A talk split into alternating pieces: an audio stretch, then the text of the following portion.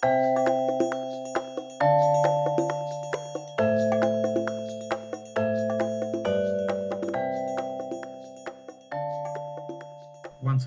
sut wyt ti? Siwr wyt ti? Dwi'n clywed a gweld ti. Popeth yn iawn? Ti'n clywed a gweld fi? Dw. Anffawd mawr i ti. Dwi just yn trio sortio fy tech allan. Dydy, dydy gwaith ddim yn hoffi Zoom, so mae hwn yn oh. laptop ar wahân.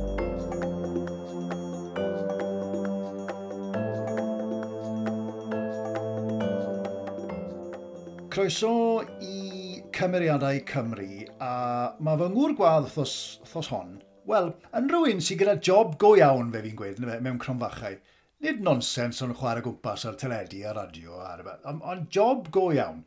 Enw'r gŵr sydd ar y podlediad wrthos yma yw Jeremy Vaughan, a mae Jeremy yn, gobeithio hwn iawn Jeremy, prif gwnstabl heddlu De Cymru, e? Eh? Cywir. Yeah, right. Chief, Chief Constable. Right, okay. Felly, yn sydyn iawn, dim ond un gair ti wedi dweud yn amlwg cywir, right? ond dwi'n meddwl bod bobl yn gallu gweud yn syth mae gogleddwr y ti. I ni wedi sort of cyfarfod yn rheithiol unwaith o'r blaen. Sut mae gogleddwr sydd wedi gweithio i heddlu Gogledd Cymru wedi ffindo hunan efo'r top job yn ne Cymru? Wel, mae hynna'n gwestiwn da, a um, dydy rhywun ddim yn planio bob dim yn adeg. So ges i ges i cyfle uh, yn 2016 i, i fynd am swydd yma fel brif gwnstabl cynorthwyol.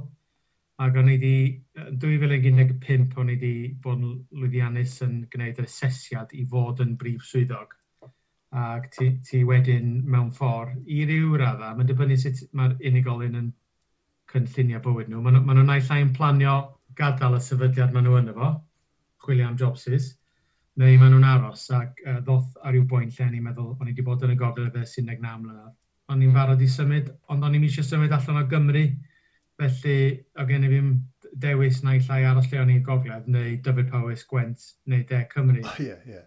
Ac i, a fod yn onest, uh, Chris, o'n i eisiau, o'n i'n mynd i weithio yn y Met, o'n i'n mynd i weithio uh, uh, yn, yn Birmingham yn un, un lle fel ond y lle nes y gosaf gen ti yng Nghymru oedd De Cymru o gen ti um, bach o gymysgedd o bob dim. Uh, so felly nathon ni'r penderfyniad mawr i symud fi, ni a tri o blant lawr i de. O ie, oedd hwnna'n benderfyniad mawr, fe ti gweud, nid yn unig i ti, ond y teulu cyfan, de? Oedd, oedd, oedd un, um, oedden ni newydd gorffan uh, neud tŷ fyny yn y gogledd, a um, oedd, fel oedden ni'n dweud, pan brynu ni'r tŷ, oedd o ddim ond am gynllun mawr adeg hynny, ond uh, mae rhywun yeah. jyst yn gorfod neud weithiau penderfyniad Ydy hwnna fe hi fel, fel teuluoedd y fyddin, Dyn Jeremy? Hynny yw, ti'n bod, lle bynnag mae'r ma, swydd, mae'r teulu yn mynd? Dim cweit, dim erbyn heddiw. Ma, ma, diolch yn bell yn ôl, yn lle oedd um, oedd yn pobl yn cael tŷ ac yn aml iawn yn y llefydd cymuned um, wledig, oedd y tŷ yn gorsaf heddlu hefyd yn doedd, ond yeah, yeah. mae'r ma oes yna wedi newid. Uh, so o'n am rhaid i fi symud y teulu o gwmpas y wlad, ond on, o'n i eisiau byw heb dyn nhw chwaith, so funud o'n i'n yeah. penderfynu symud gyrfa a gwaith, o'n i'n gwybod bod nhw'n mynd i ddod efo fi. Os da chi, yn hynny o beth, um, ti'n ti wedi bod yn y gogledd, ti'n dod o'r gogledd, ti'n ti na'n gweithio yn y de, ydy plismona yn gyffredinol a plismona cymunedau a phobl de Cymru mor wahanol a hynny i gymunedau a phobl y gogledd? Dim, dim felly, wrth gwrs, dwi'n gwneud gwahanol swydd wan nag o'n i'n gwneud yn y gogledd a o'n i'n, fel mae pob pisman, o'n i'n PC yn, yn ymuno, o'n i'n heddwas a so mae'r ma, ma swydd yn wahanol hefyd. Hmm. Ond o ran, o ran yr un un problemau, yr un un heriau ac yn y blaen, mae'r ma, ma, ma, ma, ma job yn debyg lle bynnag wyt ti'n mynd. Wrth gwrs, mae'n brysurach yn y de o ran, da ni'n mond efo 10% o'r wlad, o'r deiryddiaeth, ond hanner y trosteddau yng Nghymru. So mae'n brysurach, ond on mae'r swydd yn debyg iawn, dibynnu, dibynnu lle ti'n gweithio a byw. Chos dwi wedi gweithio yn llefydd gwledig lle fi di'r unig busman o gwmpas am spel hir, a weithiau ti'n gallu bod mewn sefyllfaoedd lle wyt ti'n gorau ymateb bethau ben dy hun, a os ti'n cael hyn ar un peth yn, yn, yn y dinasoedd, ond mi wyt ti yn rhai llefydd yn y cymoedd, gwrs. Ie, ie, ie. O fe, mae ma Cymru yn wlad mor fach, ond eto i gyd mae yna ddigon o wahaniaeth ynddi mewn y cymunedau a'r bobl ac ardaloedd ynddi. Felly mae'n neud yr swydd yn ddiddorol. Sbo, ond gan i fod ôl i'r cychwyn yn Jeremy mewn ffordd, beth, beth nath ti i feddwl bod ti eisiau mynd i'r heddlu yn eich cyntaf? Oedd, oedd na ddylanwadau, oedd na bwysau arno ti i fynd mewn i'r heddlu? Um, dim felly, O gen i fi, o gen i fi ddim fes i brifysgol astudiaethau busnes a ieithoedd ar y fi wneud o gradd. O gen i fi ddim blans i fynd i'r heddlu a gynnu fi ddim llawer o syniad be i wneud. Fod yn onest, ar fatha lot o bobl ar ôl bod yn ysgol uwchradd yn dolgella ac yn oedd um, cyngor gyrfaol yn ddim yn rhywbeth mawr ar y pryd. A, ac, um, so ges i bach o nudge gen yn had i bod yn onest i, i ddeud, da chi wedi ystyried o fel gyrfa. A wedyn nes i sbio fewn i'r peth a, um, a ddim dechrau, o, dechrau hoffi be o'n i'n weld, a, ond dwi'n mynd i dyfaru am eiliad, achos mae'r oedd o'n berffaith i fi, achos be o'n i angen oedd strwythyr, disgyblaeth ac yn y blaen a, i, i, i, i helpu fi datblygu ngyrfa ac wrth gwrs y gen ti hynna i gyd yn y heddlu, mae gen ti system o ddyrchafu, mae gen ti, ti'n gorau bod yn rola ar ryw bryd arbennig, os o ddim, o ddim fath ar fath lle, lle fe fod yn eitha casual amdano fo. No. Uh, so i fi, yn y e goweithio'n dda, ond o gen i fi ddim oedd gen i fi ddim big calling, Chris, ac yna, fel rhyw rhywun ifanc uh, ar ei, ar ei dad rhyw bach o nudge a okay. dylanwadu a gwerthoedd fo nudge fi tuag at y, yr heddlu. Mae hi oedd angen bach o strwythyr a bach o ddisgyblaeth ar Jeremy ifanc yn tyfu fyny yn dolgellau? Oedd, yn sicr. Uh, um, a ti'n ti, gweld yn, yn dy blant dy hun yn dweud, ti'n gweld sut mae ti'n sbyn gynnau dri o blant a ti'n ti gweld nhw'n datblygu a ti'n gweld nhw'n debyg i, i i, i neu debyg i, i oh, yeah. i'w fam ac yn y blaen. A, a so dwi'n dwi, yn sicr o'n i angen rhywbeth oedd yn helpu fi strwythuro cael uchelgais, ond ddim yn, o'n i ddim yn or uchelgeisio chwaith, o gen i fi ddim gynllun mawr am y dyfodol ar i just pethau dod i, dod i rhyw leinio fyny dros cyfnod hir ac uh, dwi wedi bod yn lwcus a uh, Ond do, yn sicr oedd angen llwyddiant arno fi. Os oes pobl ysgol y gader ddol gellau'r athrawon yn cytuno efo'r datganiad yna? Wel, gan i siarad am yr ysgol, achos mae dolgellau, ti'n ma'n nghanol uh, uh, Gogledd Cymru fyna dwi'n nabod dolgellau yn dda iawn. Sut, sut, um, sut fagwraeth ges ti yn dolgellau oedd yn le ddylfydol i fi fyny oedd? Oedd, oedd... Um, o ran pethau i'w wneud, oedd ti'n cadw di hyn yn brysur, oedd ni'n un jyst chwaraeon, dyna oedd o. So oedd hi'n rygbi, oedd hi'n golf, oedd hi'n criced, oedd hi'n oh, tennis, oedd hi'n badminton, bob dim o hyd. So jyst chwaraeon oedd bod yn ei gyd, a wedyn nofio yn yr afon, a dal fyny fo ffrindiau, hongion o gwmpas, so gen ni ddim y pethau sgyn pobl ifanc wwan i ddiwrnod, i well, gadw mewn So ti'n gorau ti diddori dy hun, a, yeah, ond um, mae rhywun yn gadael, A wedyn maen nhw'n sylwi ar ôl gadael, yn dydyn, faint mor hyfryd oedd o byw. Oh, oh, Jeremy, ti'n meddwl beth, mae union beth dwi'n meddwl, achos un o Abereiron dwi, a o'n i methu, o'n i methu aros i adael Abereiron, ond nawr, da ni wedi cyrraedd yr oedran arbennig yma, dwi'n edrych nôl, yn meddwl, peth iawn o'n i eisiau aros, ti'n meddwl, symud o Abereiron eich gyntaf, achos fe ti'n gweud, ond yn olgellau, oedd gyda ti'r mynyddoedd, gyda ti'r traethau, mae gyda ti'r dŵr, ti'n meddwl, mae e'n le dylfrydol a debyg iawn i fy mygwraethu yn Aberaeron. Fe ti'n dweud, mae'n cymryd hyn a hyn o amser yn dy fywyd i sylweddoli bod e'n le mor arbennig reichau gyntaf. Oedd.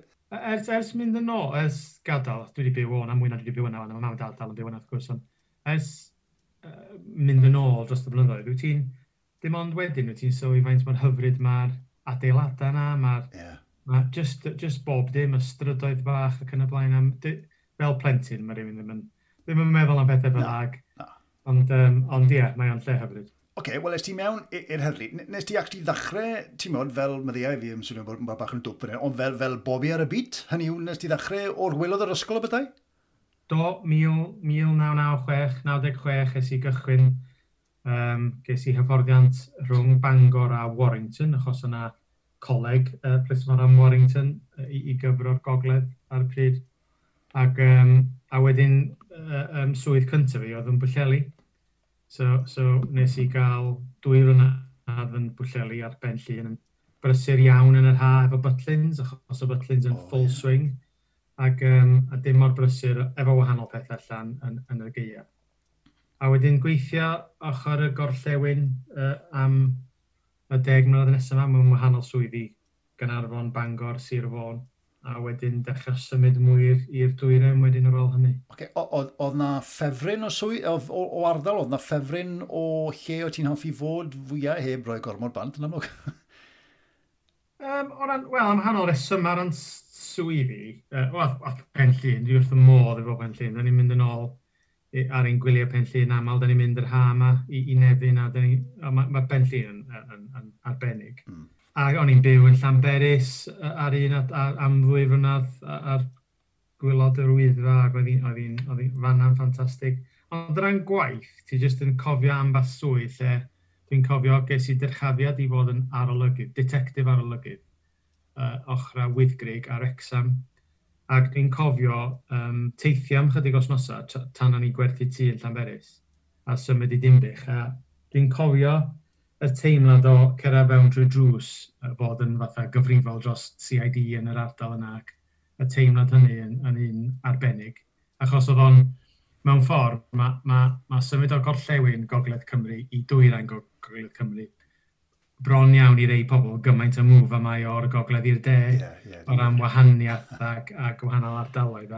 Ond i fi cael dyrchafiad yn ifanc, weddol ifanc i job fan yna, oedd hwnna'n briliant.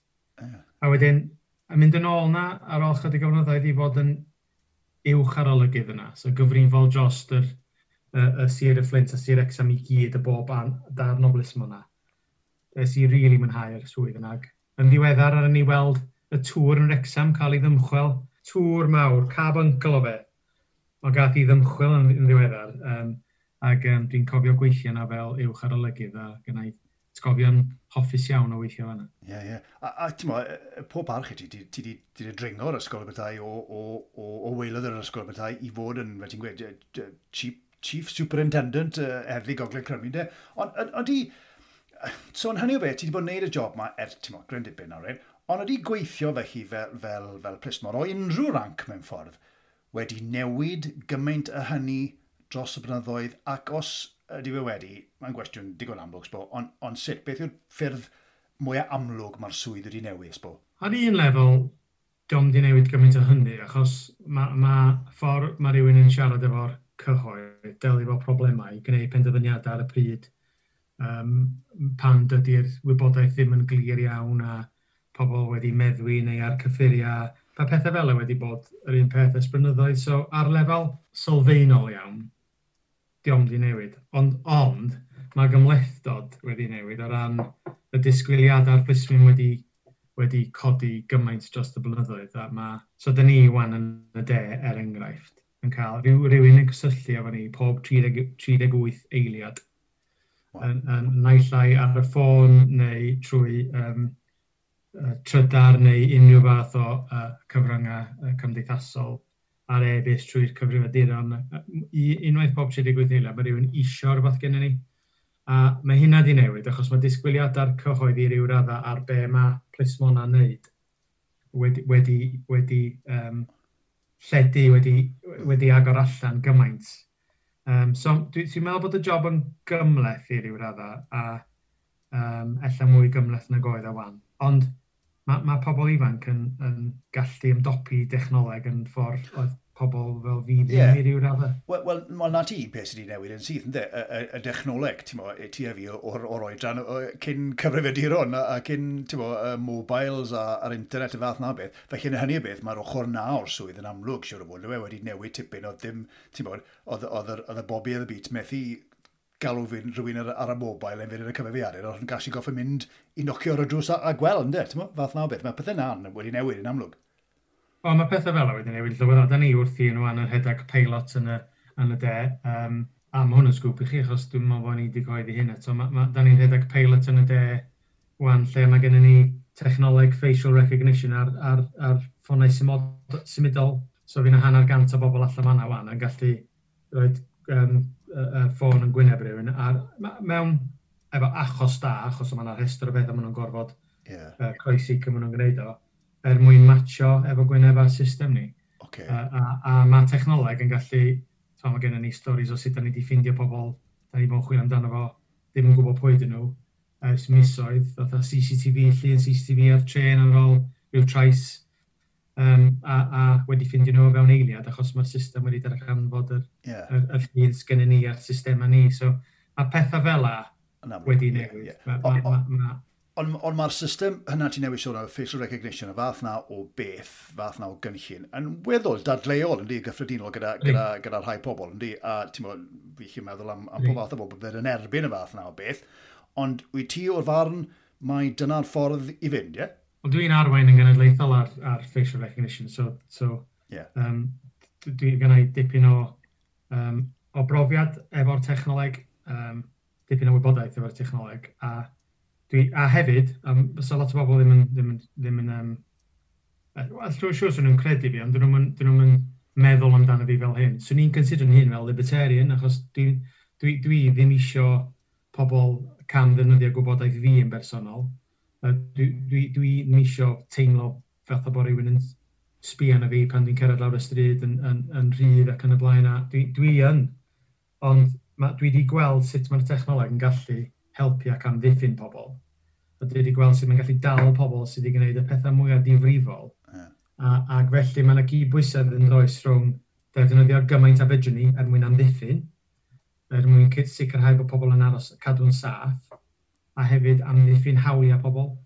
A mae yna wastad cydbwysedd a, ac da ni wedi bod yn y llys, da ni wedi bod yn llys y pel ac da, da ni, mwy na, mwy na heb, mae'r ma, achos llys y pel, mae'r dyfarniad yr uchel lys a llys y pel wedi, wedi helpu i ni rhoi y technoleg ar rhyw fath o sylfaen uh, cadarn. Um, felly dwi'n dwi, gweld ni'n defnyddio mwy a mwy.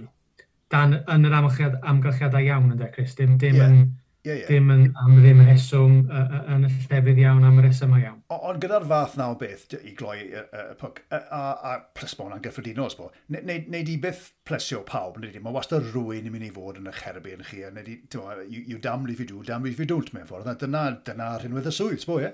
Ie, yeah, wel, i ryw radda, ond dwi, dwi isio, dwi, dwi wastad yn deud hyn, dwi'n fodlon siarad efo rhywun sy'n fodlon siarad yn ôl efo fi, ac yn gwrando ar, ar, ar be dwi'n dweud, ac yn meddwl amdano a pwysau mesur be dwi'n neud. A dwi, dwi'n ffeindio fan anoddach siarad i'w pobl sydd jyst ddim yn fodlon gwrando, jyst fod yn angwrtais neu yn um, let, lot o bobl a drydar jyst ddim eisiau gwybod yr un. Dyn nhw'n no. nhw eisiau gwybod y dadl ochr arall neu'r trafodaeth ochr arall. Ond, ond hefyd, hefyd, dwi'n dwi rili really falch bod fi'n cael yn, yn sgrwtineiddio bod fi'n bod bo pobl yn hmm. cael yr hawl i gwestiynu beth yn ei. Dwi'n meddwl bod yn hollol hanfodol yn cymdeithas, bod ni yn cael ei sgwrsyniddio, bod ni yn gorau ateb a cael ei cwestiynu ar defnydd o, o rym. Mae'n ma mor bwysig.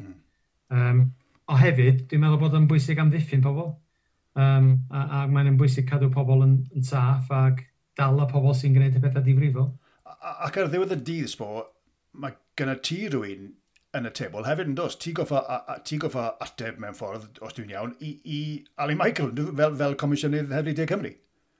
Ydw, dwi, so dwi'n anebynol ar ran, ar ran y penderfyniadau um, operational fel maen nhw'n galw nhw.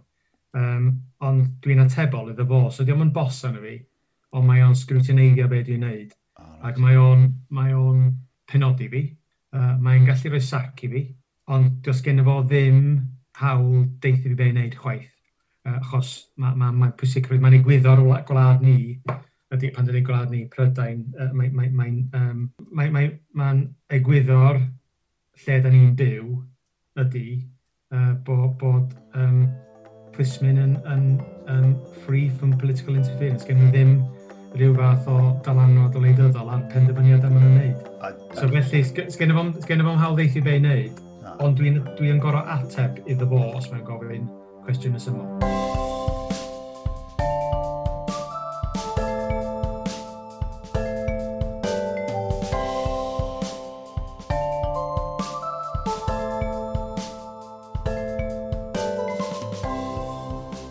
Nawr, ti wedi dechrau y, y swydd, y rôl newydd yma, uh, ar gyfnod eitha cythryblus, rhyfedd, anodd, anghyffredin, falle oes na, oes na priorities efo ti fe hi yn y rôl newydd? Mae'n beth yw dy priorities fel, fel yr, y top man sy'n gyda'n heddlu De Cymru? Dwi'n gwybod bod, bod trais yn y cartre yn erbyn mynywar yn amlwg wedi, wedi dod allan yn y newyddion tipyn a mae gennau i y brofiad yn y fath na o waith efo'r rhai bobl. Mae cyffuriau, mae, mae cychych. Os, os, os, os un peth, neu, neu oedd e'n bach o bob peth, neu y pethau dwi wedi sôn am?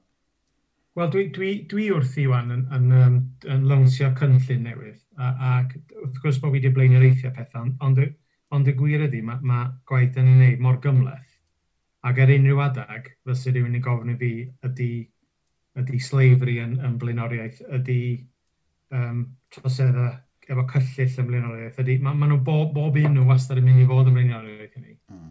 Ond o ran datblygu'r sefydliad, da ni yn mynd i ganolbwyntio ar ambell peth, um, pan ar i fi cymryd drosodd wrth gwrs uh, yng nghanol Covid, uh, o rhaid i fi sicrhau bod pobl yn saff uh, yn ei gwaith, achos dwi angen nhw mynd i gwaith dwi, ar y 42 o fawrth ar ei pawb oh, aros adra a mynd adra, yeah. ar ei plismyn mynd i gwaith.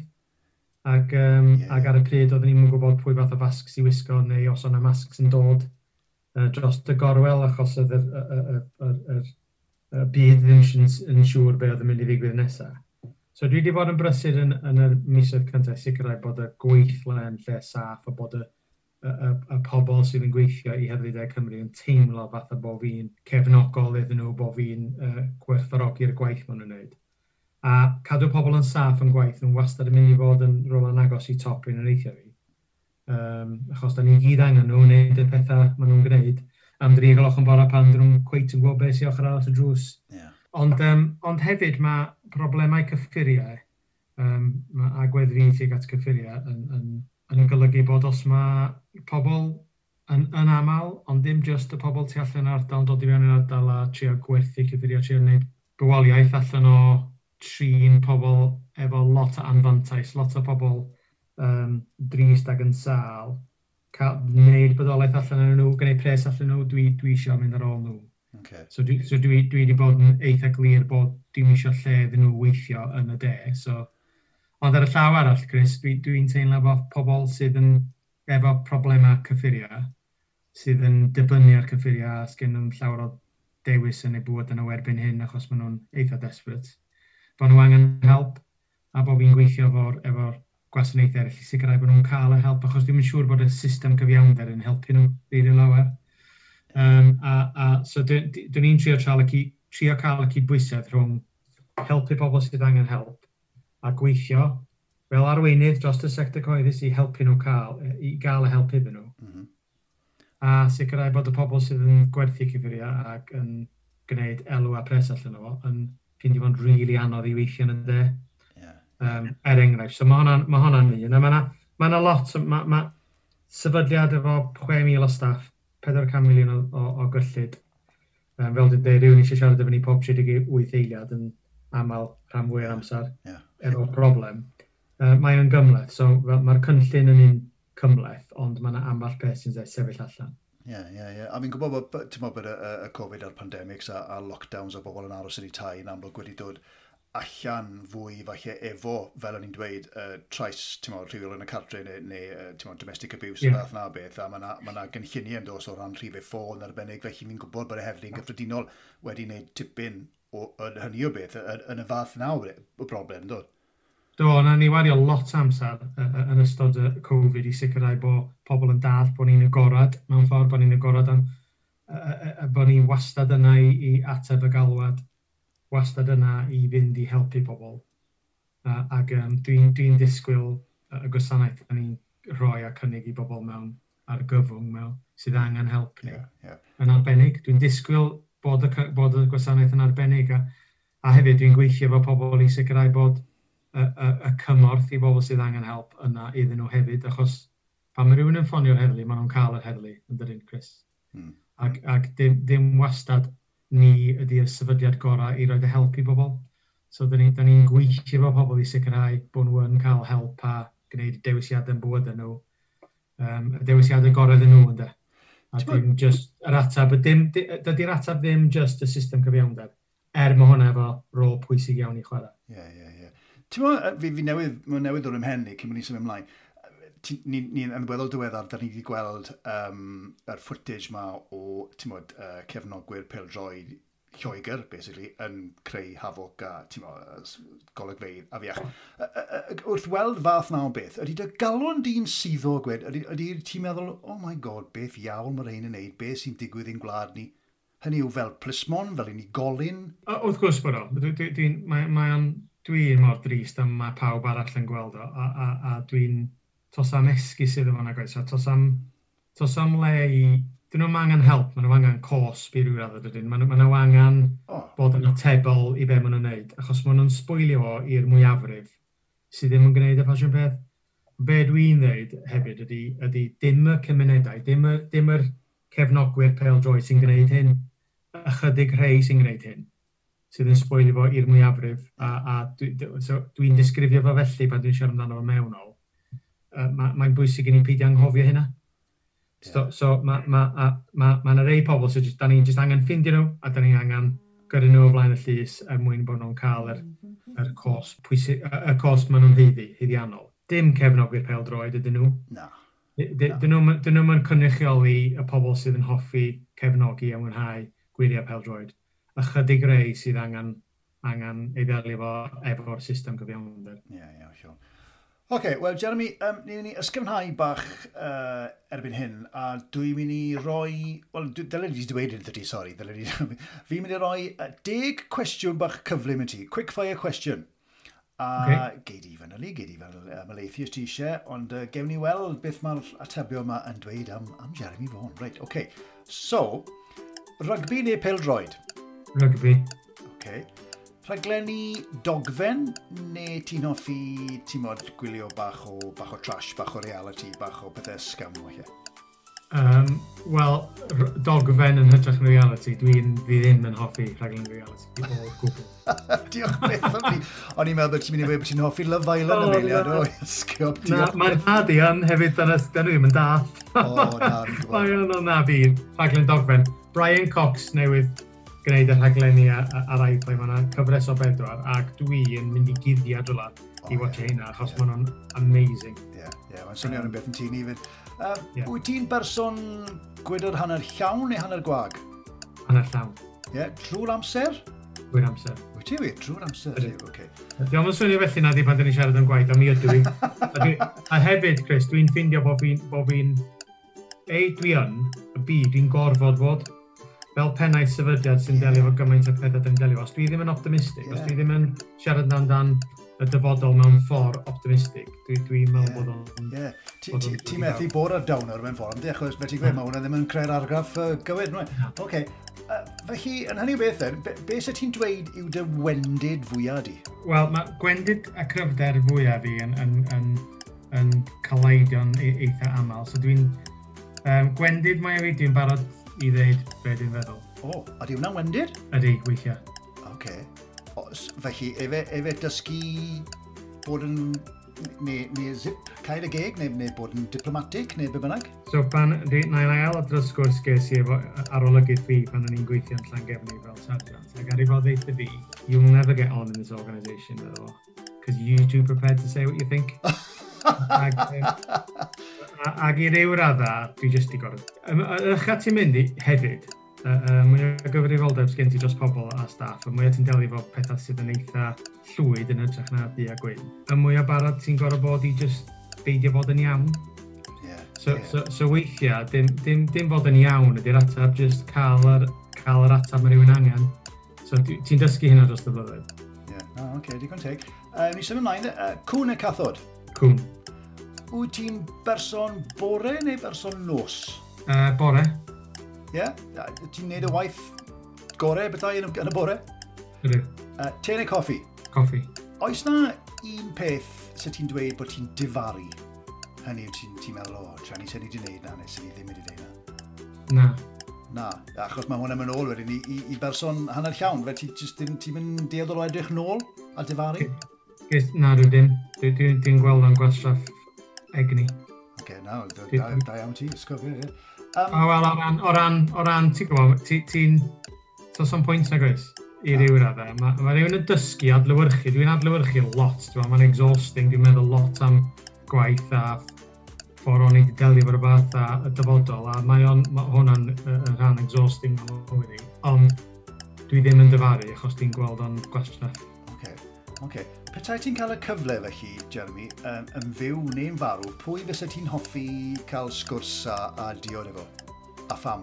Um, so, da ni gathen ni hot tub yn ystod, um, yn ystod lockdown. Oh, nice. Ni'n inflatable fath yma pobl yn gwneud yn ddiddori plant.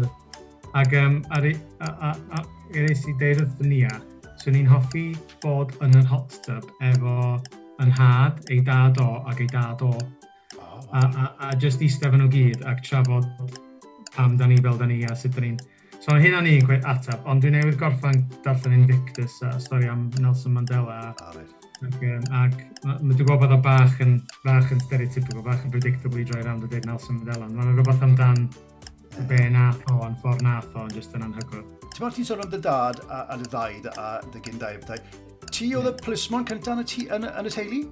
Ie. Oce, a, a gai ofyn, fi'n gwybod bod y dar wedi rhoi hwb bach y ti, ond ath hwnna lawr yn iawn? O, do, do, do. Do, do. Oedd o dad yn yna'n heddwch am uh, um, 20 mlynedd, tan oedd fo gorfod yn ddeol yn 70, ond um, Ond yna fo oedd fi ddi'r Crismon gyntaf. A fi ddi'r cyntaf i fynd i brifysgol yn y teulu i gyd. O, oh, right, oce, okay, waw, oce. Okay. Um, um, Felly, dau gwestiwn bach arall. Uh, gwesti moethus neu bwthyn bach moethus? o bwthyn bach moethus. Ie, yeah, ti'n offi cwmni dy hun, ie. A, a, a cwestiwn ola, mae'n cwestiwn eitha gwirio mewn ffordd, ond pryd y trwetha nes ti ddawnsio? Uh, mae hynna gwestiwn da, sa neb di bod, in, uh, probably, yn y gegin um, uh, um, dau, dri diwrnod yn ôl. O, ie? Ie, ie, mae gen i, mae Spotify wastad ymlaen gen i, a mae'r kids a, yeah, a dwi wastad yn weindio yn y fyny yn neud y Ti? O, da iawn, da iawn. Rhaid, wel, mae hwn, mae tebio na wedi dweud lot am, amdano ti, fel maen nhw'n dweud bob wrthos, ti'n meddwl. O, da iawn, diolch o galon ti. Um, Ti'n mwyd, um, mae ma, ma Covid a'r lockdowns ma yn y blaen wedi, wedi gwneud y swydd a'r plismon ar y beats bo, uh, a, ad y rôl di yn anoddach fydd, yndi? Ond, ti'n mwyd, be, beth sydd angen wneud i, i wella swydd y bethau. Mae'n gwestiwn mawr. O, os na rhyw, mo, os na rhywbeth sydd angen wneud er mwyn wneud dy rôl di yn, yn, yn haws, achos mae pethau mor anodd ar hyn o bryd yn di, a os na un, os na challenge fawr yn y swydd o achos Covid a lockdown, mae lot o gwestiynau fel fi'n... fi, Oes, wel, o ran, dwi'n meddwl bod, so mae ma, ma ffordd i'n meddwl amdano, mae'r swydd fod yn anodd, achos mae o'n job pwysig a, a, a mae fod yn anodd. A, a so di, di hynna ddim yn... Dwi, dwi ddim, mae gen, gen i fi'n llawer o ddisgwyliadau bod y swydd byth yn mynd i fod yn hawdd, achos dwi'n gweld yr, mae'n heri, mae'n lot o waith i wneud. Uh, uh, dwi'n teimlo'n gyfrifol dros lot o bobl. So so dwi'n mynd, dwi meddwl amdano fo fel la. Ond o ran, o ran job plismyn, mae'r cyfnod diwetha wedi... Mae'n eitha tens allan fan ydy. Yes. O, ie, ysgol bo, ie. Ydy pobl, mae pobl wedi colli ei ffyrdd naturiol o ymlacio. Mae pobl yn, yn wedi bod yn flin ar y degau yma. Mae pobl yn poeni yma. Pobl eisiau clywed, eisiau lleisio nhw cael eu clywed yma. Ac wrth gwrs mae plismyn wedi gorfod cael trafodaethau ar ben bob dim arall. Ymateb i bob dim sgen ni. A galwadau, bris ac yn y blaen wedi cadw ar un lefel maen nhw'n uwchwan actually na maen nhw wedi bod ar ei oed. Da ni hefyd wedi gofyn i bobl dynnu masks nhw dros gwynebau nhw, da ni wedi da ni wedi mm-hmm. stopio pobl mynd â cwn nhw am droi goedwig. Mae'r ma, ma, ma rhestr yn un hir. Yeah. Um, so, so dwi wedi poeni yn ddyddiol am yr perthynas gyda ni efo'r cyhoedd a allan o hyn i gyd bod ni'n cadw perthynas da achos mae ma, da ni'n neud beth ni'n neud achos mae'r cyhoedd yn caniatau hynny a, a, a mae'n mae bwysig bod perthynas ni, bod ni'n canolbwyntio ar datblygu perthynas ni, a mae hynna'n golygu pawb. Yeah, yeah. So mae rhai pobl yn teimlo bod gen nhw llai o ddylanwad dros dyn ni'n neud yn arau eraill. A, so mae'r gwaith ar magu a datblygu a gwella uh, perthynas neu efo'r cyhoedd yn, yn, yn rhan pwysig o'n waith i. Ti'n meddwl fe hi bod, bod yr drop-out rate, os gwydden ni i gael defnyddio'r term yna, yn yr heddlu wedi, wedi ehangu ydy'r swydd wedi mynd rhy anodd bod bobl yn, yn trio hi, achos fi'n abod cwpl sydd wedi trio mod, mynd, mynd uh, yn blismon, maen nhw yn, a wedyn maen nhw ddim yn para'n hir, achos maen nhw ddim yn quite yn deall y swydd y bethau, ac wrth gwrs oherwydd yr pethau anoddach a'r gwahanol a'r ti'n mor, o achos beth sydd wedi digwydd, bod y drop-out rate yn, yn fwy byth nag erioed? Ydy hwnna'n beth teg i wei? Dydy'r data ddim yn, ddim yn um, awgrymu hynna. No. Uh, um, so mae'r ma, ma, ma, ma um, attrition rate, dyn ni'n galw fo, um, rhywbeth tebyg. Uh, mae wedi codi rhyw faint yn y blynyddoedd death yma, a hynna probably mae'n ethebyg o rhywbeth i wneud efo'r newidiadau yn y, y pensiwn yma, yma o neu unrhyw beth arall. Um, ond, uh, uh, da ni'n cadw golwg agos yno fo, a so, er enghraifft, Chris, dwi'n dwi, cynnig siarad efo pobl, pob un aelod o staff sy'n gadael ar ôl gweithio um, tymor llawn efo ni 30 mlynedd. Um, da, da ni'n gwneud cyfweliadau exit efo pawb sy'n gadael ni. Um, a da ni'n ni trio, dydy o, dydy o ddim job i bawb, diwedd y dydd mae rei pobl yn hyfforddi efo ni a cyrraedd y bwynt ar ôl blwyddyn yn y job fel diolch i fi, sydd yn iawn a dwi'n dwi, dwi, dwi hefyd yn deud hynny ddyn nhw, ond uh, da ni'n di gweld y, y drop-off mor ychel hynny, ond um, ydy yna bod dwi'n poeni amdano fo? Wel, dwi'n poeni amdano cadw pobl yn hapus yn ei gwaith. Um, so, I suppose mi ydw i, ond um, a canol, can, canolbwynt fi ydy sicrhau bod nhw'n saff ac yn iach yn yeah, ei waith. Ie, ie, yeah, gwrs. Beth course. Yn iaith Gymraeg dda, Jimmy? Ti'n gymro i'r carn o'r gogledd yn amlwg siarad Cymraeg. O, os, na, os na ddigon o Gymru Cymraeg yn yr heddlu'n gyffredinol, wyt ti'n cael y cyfle i atgyfnerthu'r fath na o beth? Wel, fel siaradwr Cymraeg, a, a mae'n ma, ma, ma ma amlwg i bobl sy'n mynd i fynd yn siŵr, ond um, dysgu Cymraeg dwi, really. Dydy mam a dad ddim yn siarad Cymraeg, brawd a chwaer ddim yn siarad Cymraeg. So dwi wedi dysgu Cymraeg a uh, mae wedi gwella dros y blynyddoedd yma dal lle i wella, siwr o. Um, ond ar ôl symud i'r de, uh, o'n i'n arwain ar, ar um, materion iaith Cymraeg yn y gogledd ac nes i, o'n i'n digon ffodus i medru arwain yn y de a cychwyn neu, neu roi policies yn ei le oedd yn golygu bod pobl yn gorfod codi lefel gwaith os ydyn nhw'n cael, lefel Cymraeg, sori, os ydyn nhw'n cael dyrchafiad, neu mae pawb sy'n ymuno efo'n ni wan yn gorfod bod o leia lefel 1 ac lefel 2 ar ôl blwyddyn pawb. A dyrchafiad mae rhywun yn gwybod yn lefel 2 a, a da ni'n cynnig cyrsiau mae gennym ni, da ni'n cyflogi rhywun llawn amser i ddysgu Cymraeg. Um, so, da ni'n neud dipyn, ac wrth gwrs gan bod fi'n siarad Cymraeg, a gymaint o bobl yn dod ato fi sydd yn siarad Cymraeg yn y gweithle. Yeah. A mae yna mwy o bobl yn siarad Cymraeg i de Cymru na bobl yn meddwl. Achos, yeah. ond o blaen, oedden nhw ddim yn cael y cyfle i ryw raddau i siarad. So dwi wedi dwi, dwi newid e, rhywfaint o pethau. Mae gennym ni lot o waith i wneud. Um, a lot o waith ar lot o pethau, wrth gwrs. Ond yeah. uh, mae'r iaith Cymraeg yn bwysig i fi, a mae'n bwysig i lot o cymunedau ni. A, a, a, mae'n well, ma gyfraith yn Nghymru, dydy.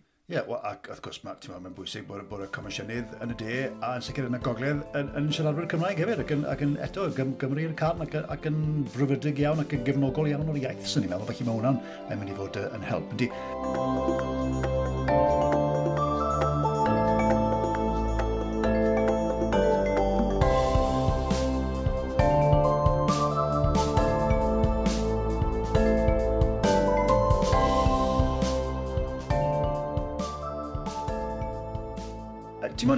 ti'n amlwg yn, yn, yn byw y swydd mae Jeremy, a ti'n meddwl, mae dy fywyd i'n amlwg, ond wyt ti'n cael cyfle i ymlacio, neu, neu'r cwestiwn yw, bod, wyt ti'n ffindo i'n anodd i, i, i ddiffodd? Wyt ti'n switcho bant pam ti adre?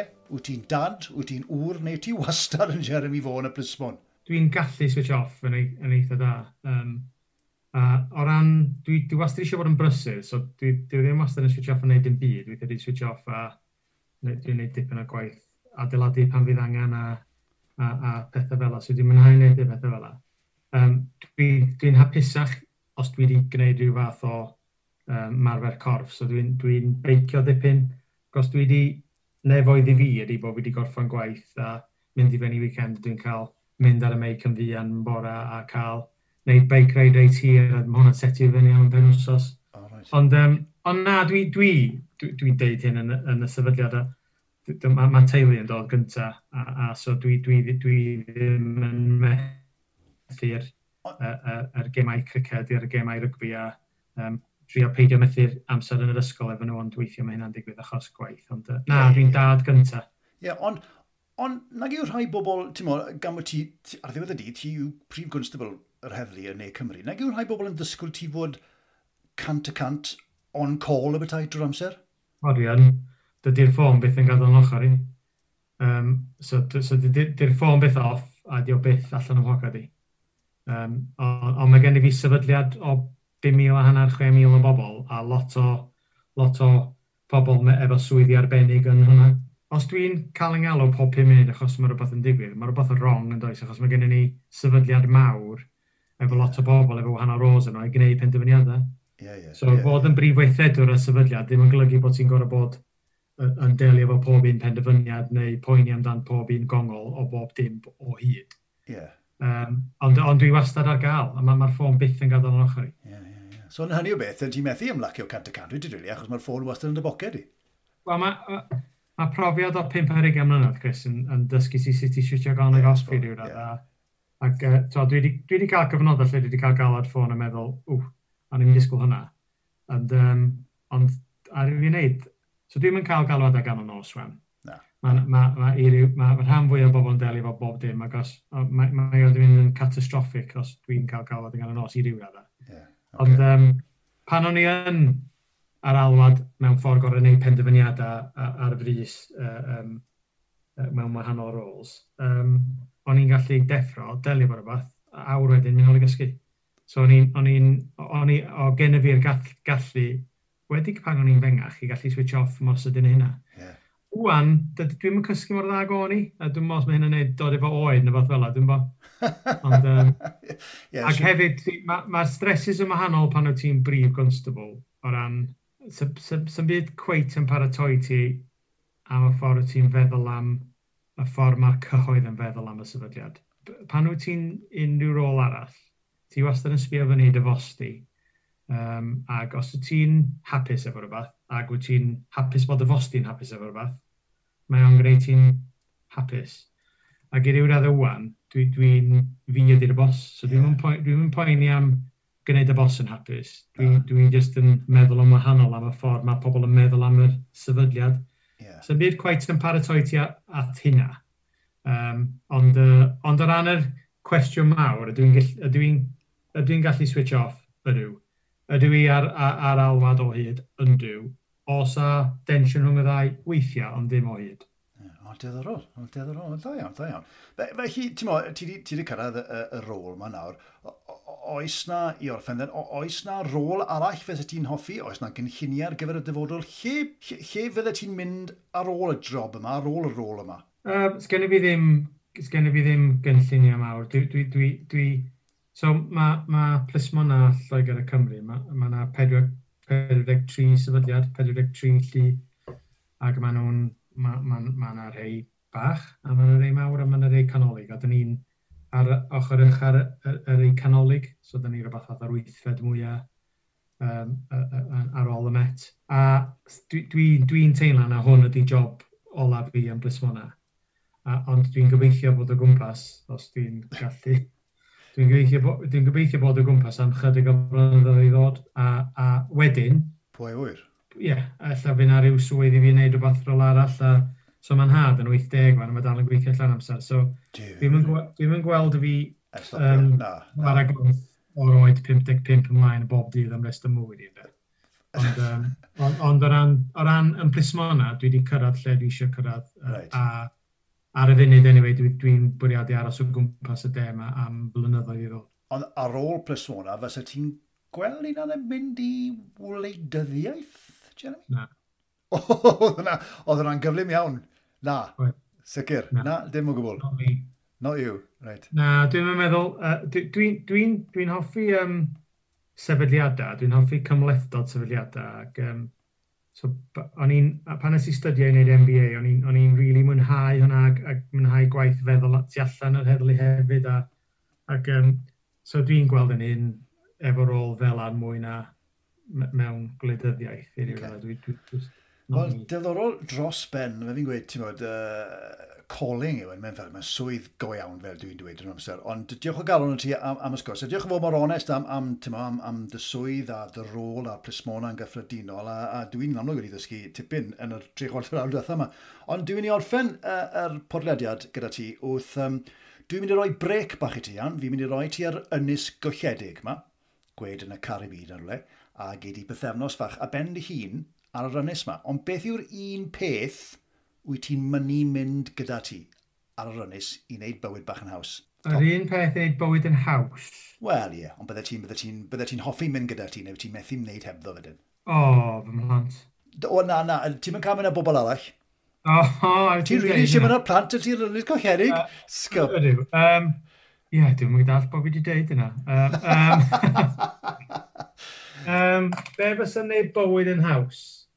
O, dwi'n meddwl rhyw fath o um, multi-tool sy'n ni'n gallu adeiladu le i fyw a, a rhyw, rhyw, creu rhyw le sy'n ni'n oh. sy gorfod, sy'n ni'n sy ni cael rhyw fath sydd yn ddefnyddiol iawn, practical iawn i helpu yeah, fi. Rhyw fath o Robinson Crusoe fa, yeah. ar, ar, ar yr ynys ma. Rhyw fath o, rhyw fath o Swiss Army knife neu rhywbeth fel yna. Na fo, wel, Ei, diolch o galon, diolch yn fawr iawn um, Caron Ddiogel a pob lwc ar y dyfodol, Jeremy. Diolch o galon yn ti. Diolch, Chris.